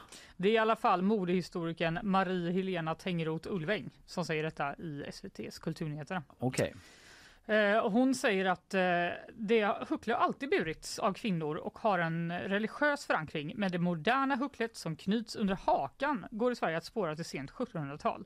Det är ett signalplagg för klass, kön och civilstånd och då signalerar det att man tillhörde bondebefolkningen Mm. på landsbygden, att man är en kvinna och att man är gift. Att man är gift också. Ja, så var det då. Ja. Det var ju då alltså på sent 1700-tal. Men vi snackar alltså klassisk påskkärring, Exakt. huckle, krösa-Maja-style liksom. Exakt. Mm. Eh, men sen bör, säger hon att ja, nu är det mer typ eh, Hollywood-glamour. Man sitter så i en nerkabbad bil kanske. Jaha. Måste typ fånga Ja, ihop det, håret. Marilyn Monroe så. Men Ja, det är ju exakt. också lite typ så en härlig influencer-tjej som håller på med inredning. Jag Ja. tänker typ så de som husdrömmar Italien. Jag vet inte om hon Exakt. har det men jag kan verkligen se henne framför mig. Stå med lite sånt och liksom. sval, eh, Ja. men fin så jätte, jättedyr eh, scarf. Exakt och då är det ju en statushöjning på det för att den har man på sig då när man står i ett rum mitt i och bara typ så här där skulle vi kunna liksom Mm. ha ett Men jag vill inte ha damm i håret Nej, när jag renoverar mitt lyxhus på Sicilien. ja, eller hår i ögonen eller så. Eller hår i ögonen. Men eh, hucklet har helt enkelt trendat då genom tiderna, säger Mm, hon. okej. Eh, och eh, senast det var väldigt populärt var när vi var små. Jaha, På 90-talet. se där. Och då hade jag nämligen själv huckle. När jag var ett litet, litet När barn. du var ett litet, litet barn ja, Ja. men då kanske inte du var en trendsättare. Nej, jag var nog bara en tönt. Töntigaste barnet i Göteborg. Exakt. Men en förklaring då verkar vara att vi helt enkelt lever i oroliga tider och befinner oss i en lågkonjunktur. Det klassiska sättet att förnya sin garderob och klädsel är att använda accessoarer och där är huvudduken fantastisk. För det finns i alla prisklasser och man kan bära den på olika sätt. Ja. Mm. ja, man kan ju knyta den eh, runt halsen också till exempel. Eller Stoppa den i bröstfickan. Ja det kan man väl. Ja, eller runt benet. Det var väl något eh, mode, en sån rap, rap-grej eller Partille-Johnny kanske. Man bara knöt en eh, sån snusnäsduk runt benet. Det känns bara väldigt obekvämt att gå runt så. Ja, jo, jo. Men ändå, Mode, absolut. Mode kan ju vara is. obekvämt. Den här eh, modehistorikern Marie-Helena Tengroth Ulväng då, hon säger Mm. också att det har också blivit trendigt bland män. Men huckle? Ja, Alltså? och det är artister som ASAP Rocky som har kört looken i flera år. Och nu kan man också se det på K-pop-stjärnor. Eh, och hon tror att det kommer bli, vara en utveckling vi ser mer av. Om Harry Styles har kjol, klänning och nagellack, varför inte ett litet huckle på det? Va? Men undrar om det blir svårare för det att slå i Sverige, i alla fall just nu då när det just har varit påsk. För att vi har, att vi har de här påskkärringskonnotationerna. Ja, jag vet. Och om typ så, jag vet inte, typ eh, Yassin eller, eller, eller typ så, eh, vad heter han? Eh, Victor Yasin, Lexell. Liksom att någon Nej. av de trendiga artister kommer med ett huckle. Nej. Jag vet inte, det kanske funkar svinbra, vi kanske får se det. Jag tror verkligen inte det. Återstår att se.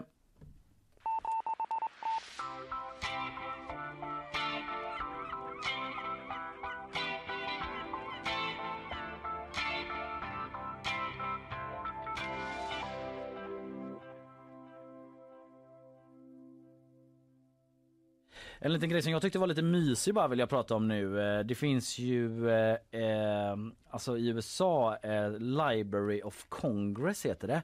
Där man eh, spel, liksom, eh, de väljer ibland in inspelningar i sina arkiv f- eh, som är så här defining sounds of a nation's history. Wow! Alltså olika ljud som på olika Mäktigt. sätt har satt stort avtryck i den amerikanska historien. Ja. Och eh, nu har det första tv-spelsmusiken eh, musiken Mhm. samlats in och fått ta plats där, gjort det här avtrycket. Mm. Vi går vidare. Jag ska, jag ska berätta för dig vilket det är. Här kommer det. Kom igen nu då datorn. Ah, där är den. Från 1985, det gamla klassiska Super Mario Bros-themet Mm. eh, från eh, ja, första Mario Bros-spelet tar alltså plats. Komponerat av den då mycket unge japanske Nintendo-medarbetaren eh, som har ett namn som jag tappade bort i artikeln här nu, tyvärr. Ja, Men eh, Koji Kondon heter han. Eh, det tar plats där bland bland annat då eh, andra mm, ljud som Mariah Careys All I Want For Christmas eller hela Madonnas album Like a Virgin Men wow! är med där också. Eh, jag tyckte det var lite roligt bara, inte så mycket mer att säga om det. Vi kan, det, det finns en del andra 80-talsdängor som är med där. Ja. Till exempel What a feeling. Bara lite olika ljud som är med. Eh, och Sweet Men inte- dreams are made Ja, vad bra. Ja. Men har de inte kommit? Inte så sugen på att jag ska sjunga med. Vad bra Kalle. Tack, tack så jättemycket. Jag bara undrar, har de inte kommit längre än 80-talet? Nej, det Är de där verkar inte så. Alltså, Det kanske är lite för tidigt att säga vad som definierar 90-talet. och det är det väl inte? tidigt 00-tal. Hucklet. Eh, kommit på något mer. Den här låten också, känner du, känner du till, nej nu var jag fortfarande kvar med uh, Super Mario i bakgrunden. du får gärna sjunga om du vill. Nej jag vill inte det. Jag För den här, den här låten har jag, eh, känner jag till men aldrig hört. Jag undrar ifall du vet vilken det här är? Hallå? Hallå? Hallå? Hallå, hallå, nej nej okej, då får vi inte höra den. Nej men, Vad konstigt. Varför blev det så helt nu får du sjunga. Ja, men den heter Margaritaville i alla fall med Jimmy Buffett. Känner inte till namnet. Searching for my last shaker of salt. Skitsamma. Det är med i Simpsons när Homer sjunger det. Eh, ja, ja, den är med i alla fall. Vilken spännande nyhet ni fick om att eh, Nintendo eh, är invalt i den här någon sorts Hall of Fame för ljud. Kul att den finns känner jag. Ja, vi kanske kan få komma med någon Ja. i svenska.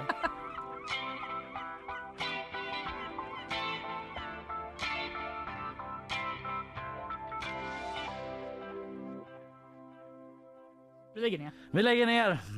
Vad sa du Emelie där borta? Ja, du sa ja. Hon sa lägg ner. Vi lägger nu får ni vara tysta Vi är framme vid programmets slut. Det är det vi snackar om Ja! för idag då alltså. Ja, ja, ja, vi lägger inte ner. Vi kommer imorgon. Eh, precis. On the contrary, vi är tillbaka varenda vardag så länge. För alltid. För alltid resten av våra Hörde liv. du det? Det får vi se. Idag har ju du pratat om plastpåseskatten. Visst? Jajamän. Den eh, kommer försvinna vad det verkar. Det är inte Det helt kommer spikat. försvinna eller reduceras Ja. till årsskiftet. Eh, jag har pratat om Absolut Vodka ju som eh, kommer börja exporteras till Ryssland igen och det har fått eh, svenska politiker att ropa efter bojkott. Sen också om Macron som trasslade till sig för sig när han pratade om Taiwan efter sitt statsbesök i Kina. Nu har han fått förklara sig och jag försökte reda, reda ut lite så här problematiken i det han sa typ, och varför folk blev så jävla oroliga för det.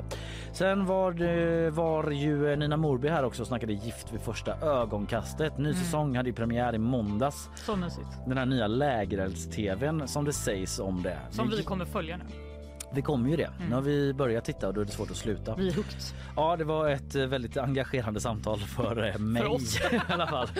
Okej, vi är tillbaka imorgon som sagt. Eh, Då blir det quiz Ja! där du ställs mot GPs eh, nya Jag är kulturchef. så arg över det. Johan Han har Hillström. vunnit På spåret, Kalle!